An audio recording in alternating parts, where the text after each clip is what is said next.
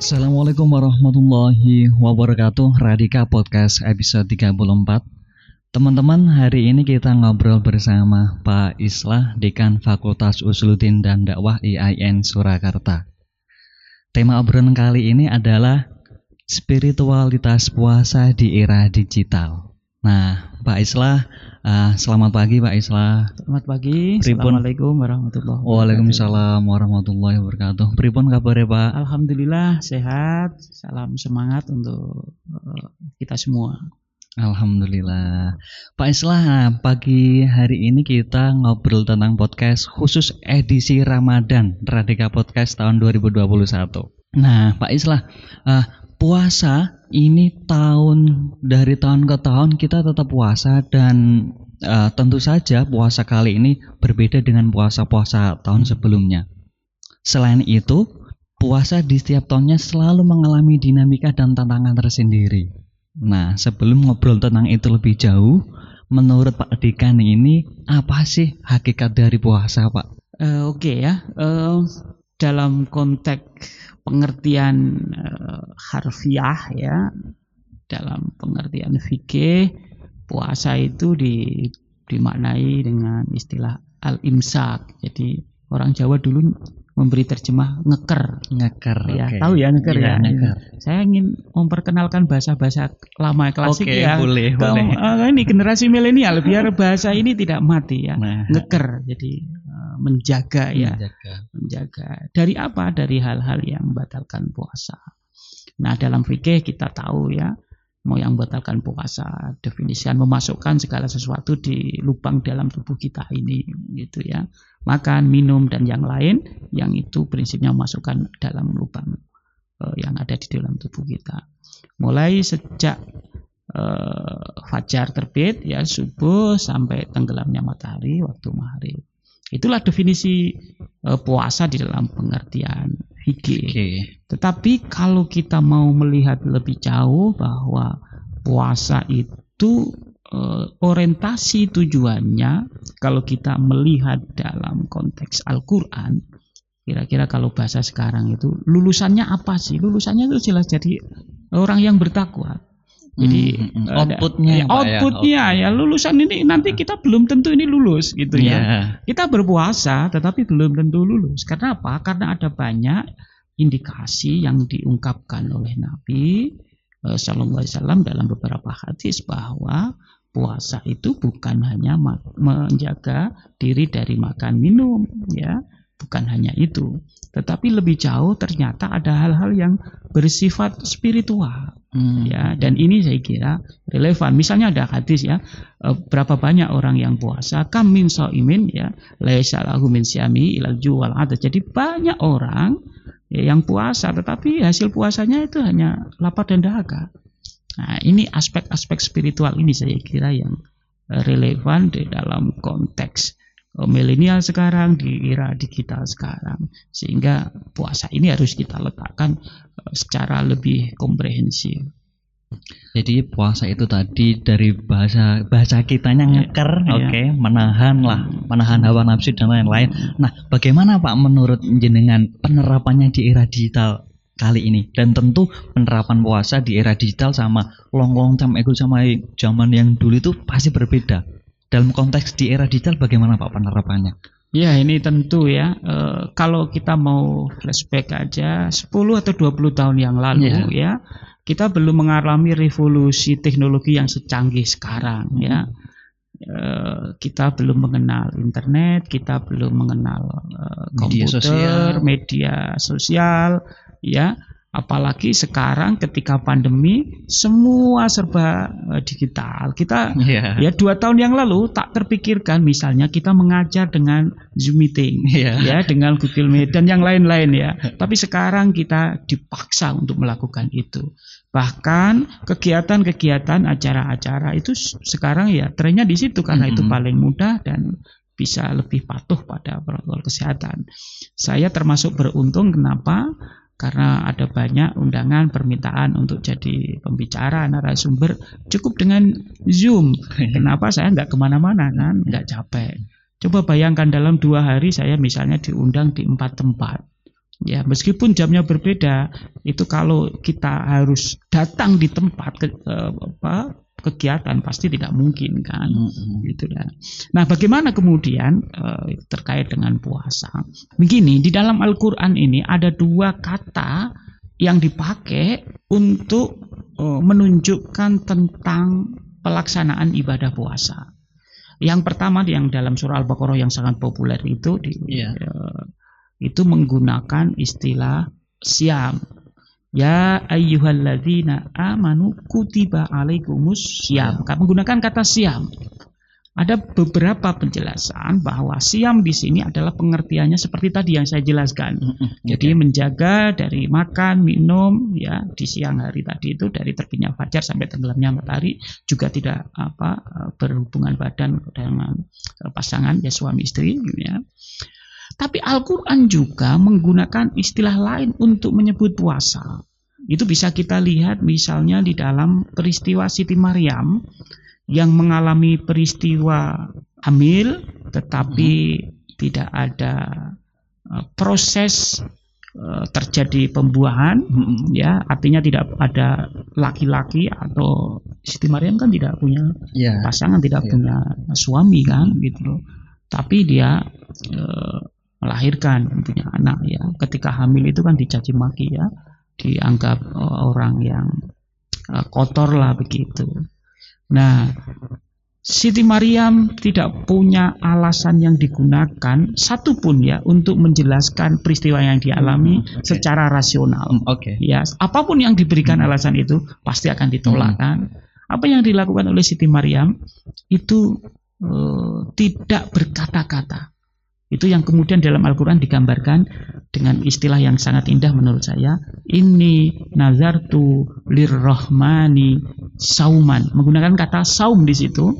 Jadi Siti Maria mengatakan, kira-kira kalau diterjemahkan dalam konteks sekarang, saya akan melakukan ya untuk lirrahman itu maksudnya untuk Allah demi Allah ya dan karena Allah sauman itu kira-kira kalau di bahasa sekarang itu ya eh, puasa eh, apa tidak berkata-kata atau orang Jawa menerjemahkan dengan sangat baik topom bisu. Oke, topom bisu. Topom bisu. Okay. Jadi kita kan punya tradisi ya di Jawa eh, keliling eh, peteng, kemudian hmm. topom bisu itu sebetulnya representasi simbolik yang diambil dari spirit eh, Siti Maryam ini. Betapa banyak perkataan kita itu yang bukan hanya melukai orang, tetapi juga menjadi pintu di mana kerusakan terjadi.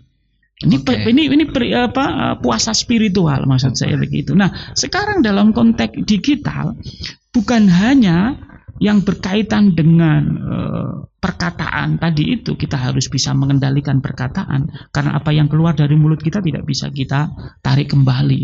Nah kita juga harus puasa bisa mengendalikan imsak tadi ngeker tadi dari ibu jari kita. Ya, okay. ya ini ubah-ubah jempol ini ya ini saya, saya membuat uh, apa simbol aja. Kebanyakan orang-orang kawan-kawan ini kalau pakai uh, telepon pintar ya ini kan menggunakan jempol ya bukan yeah. uh, bu, bukan telunjuk jari kan yeah. ya jari telunjuk ya ini sekali kita menggerakkan ibu jari kita dan kemudian diunggah di media sosial apa pun bentuknya ya mau di Facebook, di Instagram dan yang lainnya itu tidak bisa ditarik lagi mm -hmm. ya mau dihapus jejak digital itu masih bisa kita lacak Ya ini loh maksud saya, bagaimana spiritualitas puasa itu bisa mengendalikan kita, bagaimana bisa arif, ya bermedia sosial, okay. membuat statement yang punya spirit bagaimana Islam ya sebagai agama rahmah ini itu menjadi rujukan dari proses kita bermedia sosial. Oke.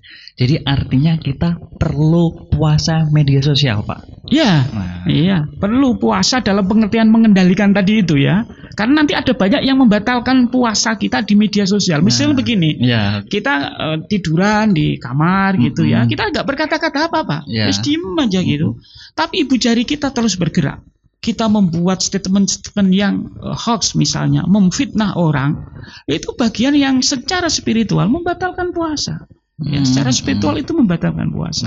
Oke, okay. jadi maka dari itu kita wajib uh, wajib puasa media sosial. Ya. Nah, uh, lantas gimana Pak caranya kita agar apa ya agar bisa menahan diri tidak mengujar uh, kebencian menahan diri agar jempol kita tidak ke mana-mana tidak ngawur? Tips dan triknya Pak.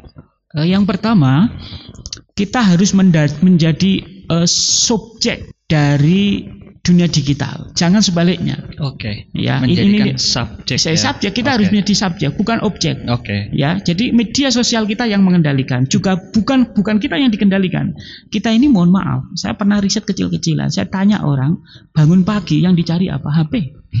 iya kan? iya. iya. Pertama kali yang dilihat apa? WA. WA. Ya, status di grup, status uh, orang lain. Itu yang terjadi. Yang trending apa? Iya, itu. Ya.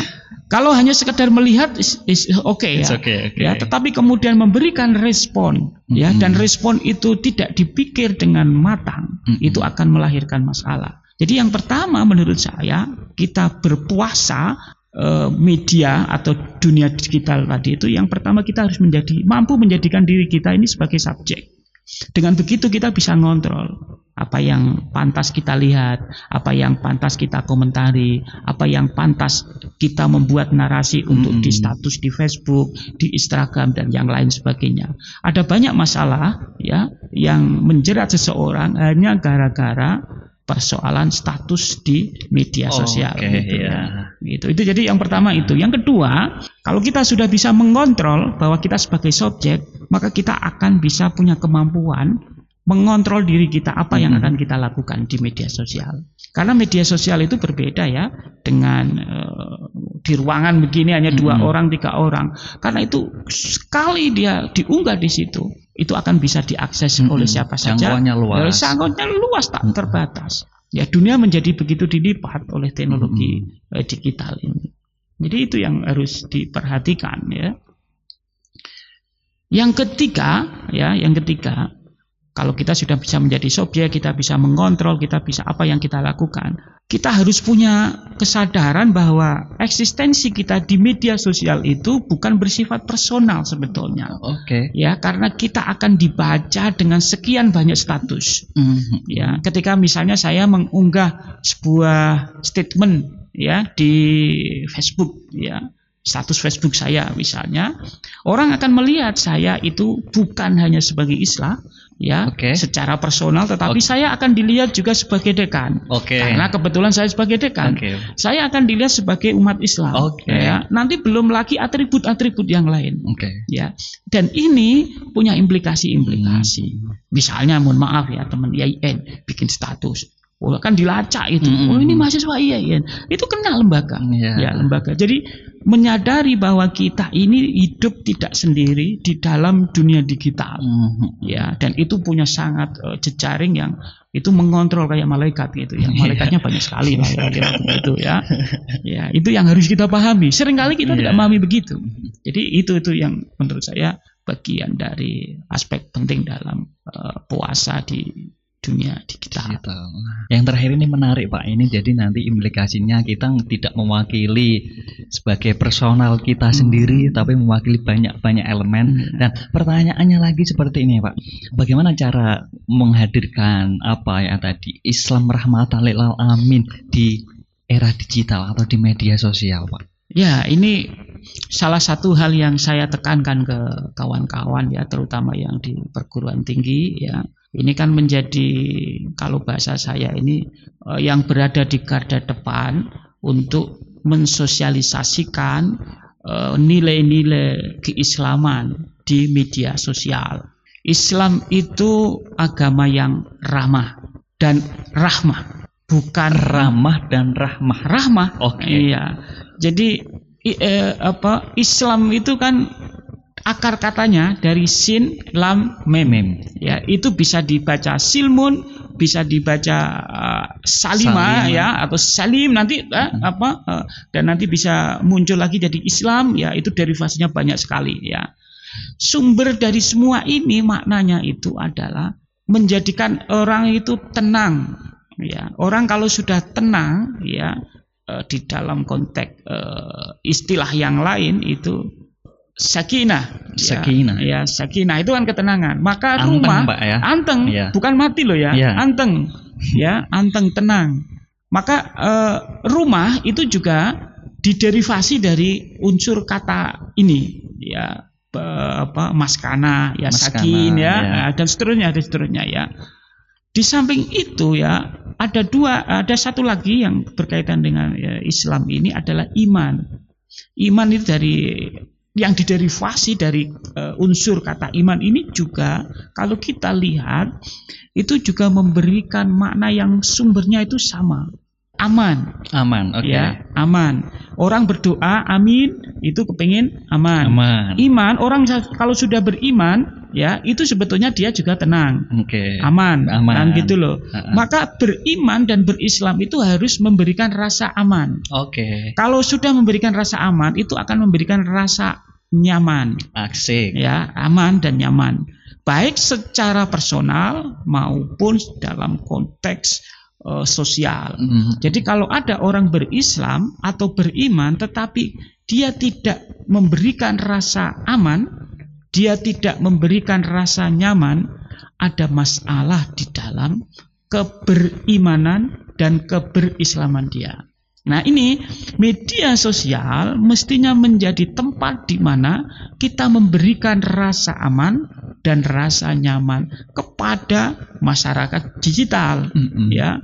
Dan masyarakat digital ini kan plural ini, jangan dilihat hanya sebagai orang Islam gitu Iya, loh. benar. Teman kita itu Iya. banyak di sini Ha-ha. di di lapak-lapak digital ini kan.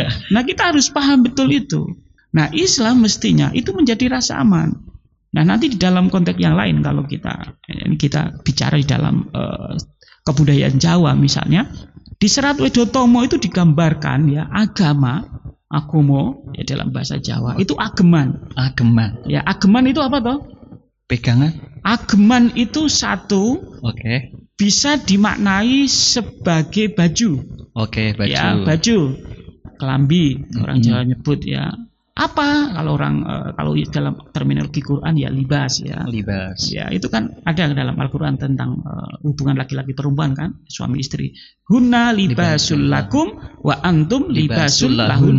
Nah, ya ini kan menggambarkan bahwa pape- laki-laki atau suami itu adalah pakaian bagi istri. Begitu se- sebuah Sebaliknya. sebaliknya.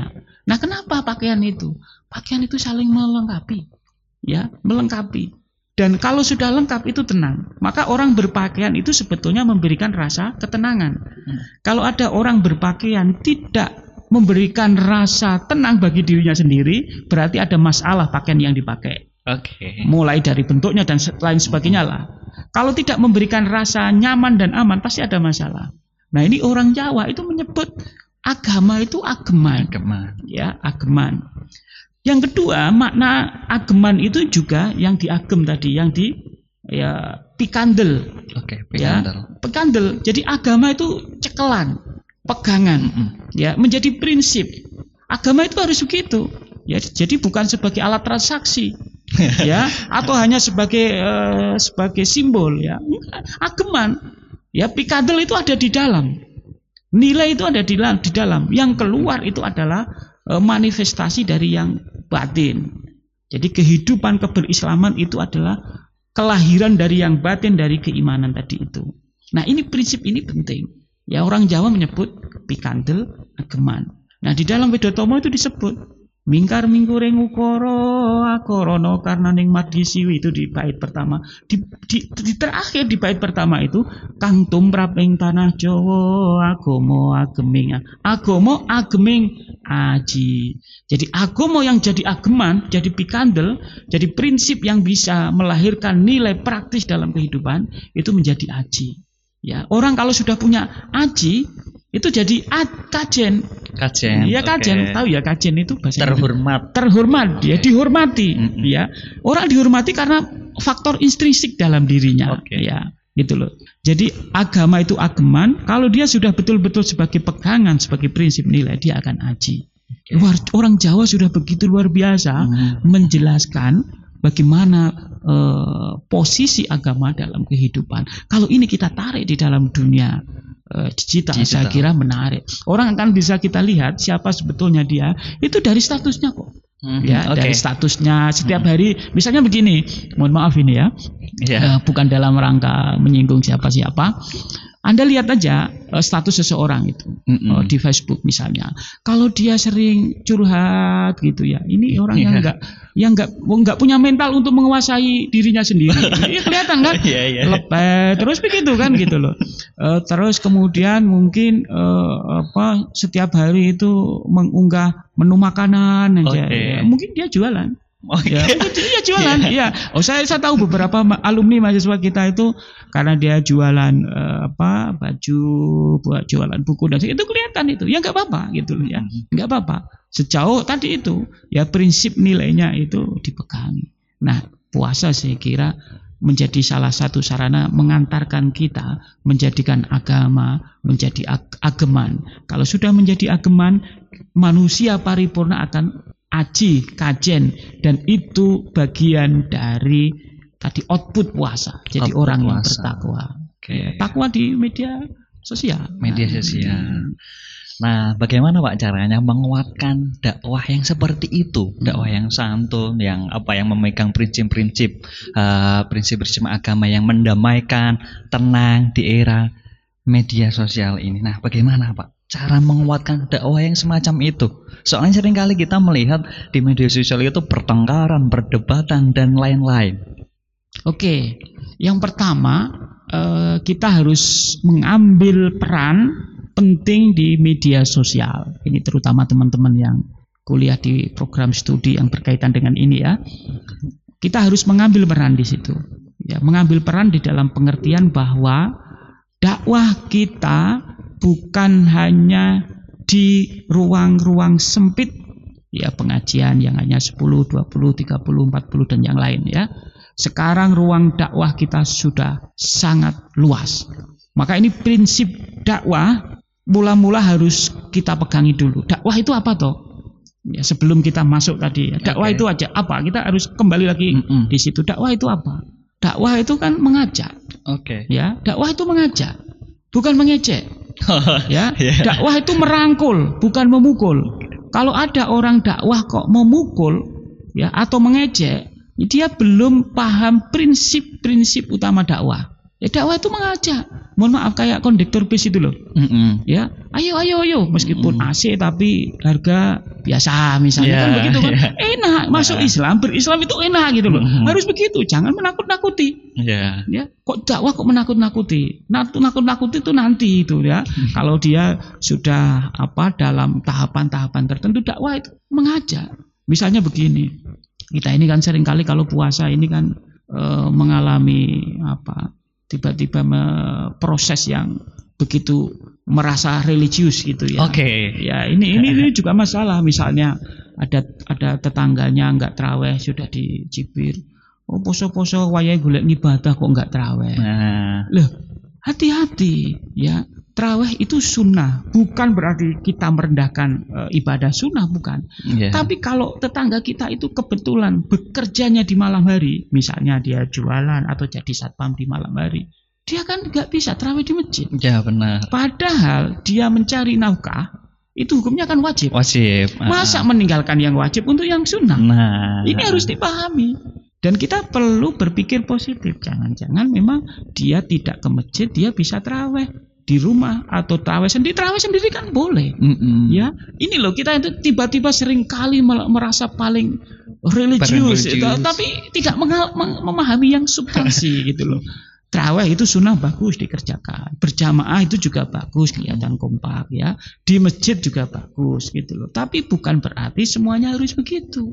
Ya di tempat yang lain, di rumah bersama keluarga, apalagi di era pandemi begini, ya itu bagian-bagian yang tidak keliru untuk diambil. Nah ini sekali lagi dakwah itu mengajak, bukan mengejek, merangkul, bukan memukul. Kita harus paham itu betul. Jadi Islam itu akan dilihat bukan dari ajarannya, tapi akan dilihat di media sosial ini itu melalui perilaku umatnya. Ya, okay. ini yang paling penting. Nah, dakwah itu ini kan di dalam rangka bagaimana perilaku kita. Nah dari dakwah di media sosial dengan bilisan tadi itu juga juga nanti akan perilaku kita di media sosial seperti apa.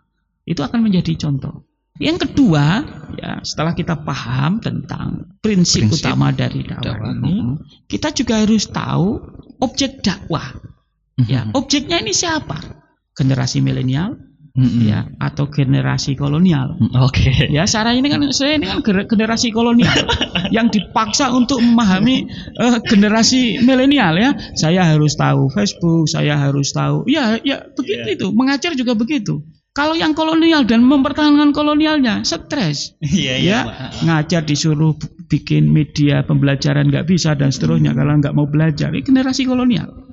Ya belum tentu yang generasi kolonial itu mentalnya adalah kolonial. Bisa Oke. jadi generasi kolonial mentalnya eh, milenial. Mm-mm. Ya, milenial. Ya, kita tidak bisa membagi eh, dalam tahapan begitu ya. Karena banyak yang tua-tua itu juga milenial ya, Mm-mm. milenial. Aktif di Facebook. Ya mohon maaf ya banyak eh, guru-guru kita ya kiai-kiai yang saya kira sangat milenial.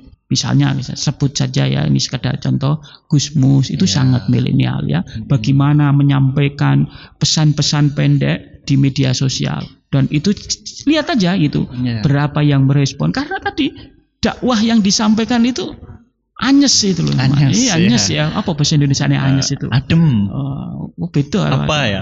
anyes itu iya Maklep. iya itu loh ya ini ini Menyentuh, ini, Pak, ya ya. menyentuh Mm. nanti ada juga yang ini ini mile- milenial milenial ya ada juga misalnya ya Kiai Hussein ya, Kiai Hussein Muhammad, ya ya.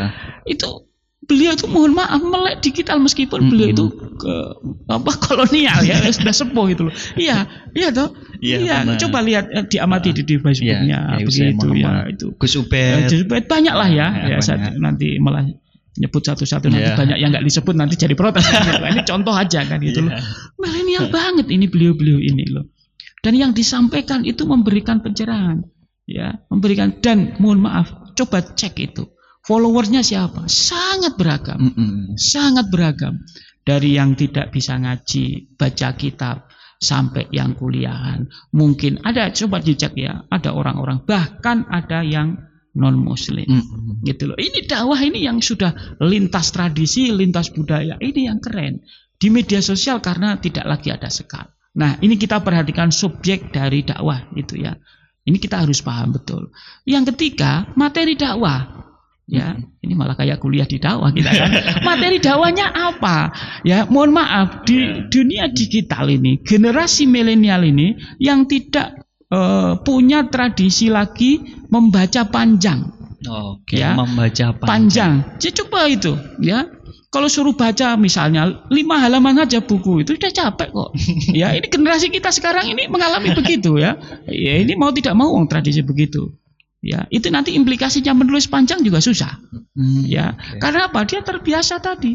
Ya Scroll, scroll, ya, itu kan, Ya. itu dan nanti susah itu ber, berpikir tuntas. Hmm. Ya, mana yang di gitu kan. Dan itu implikasinya adalah kadang tidak komprehensif. Mm-mm. Ya, ya Setengah-setengah, ya. setengah-setengah. Mm-mm. Kadang apa yang dibutuhkan aja begini. Hmm. Oh beda dengan misalnya eh, generasi eh, kolonial yang meng- mengkaji, mengaji, belajar misalnya satu kitab itu dari awalan mukadimah sampai penutup. Tuntas, tuntas. Pak, ya.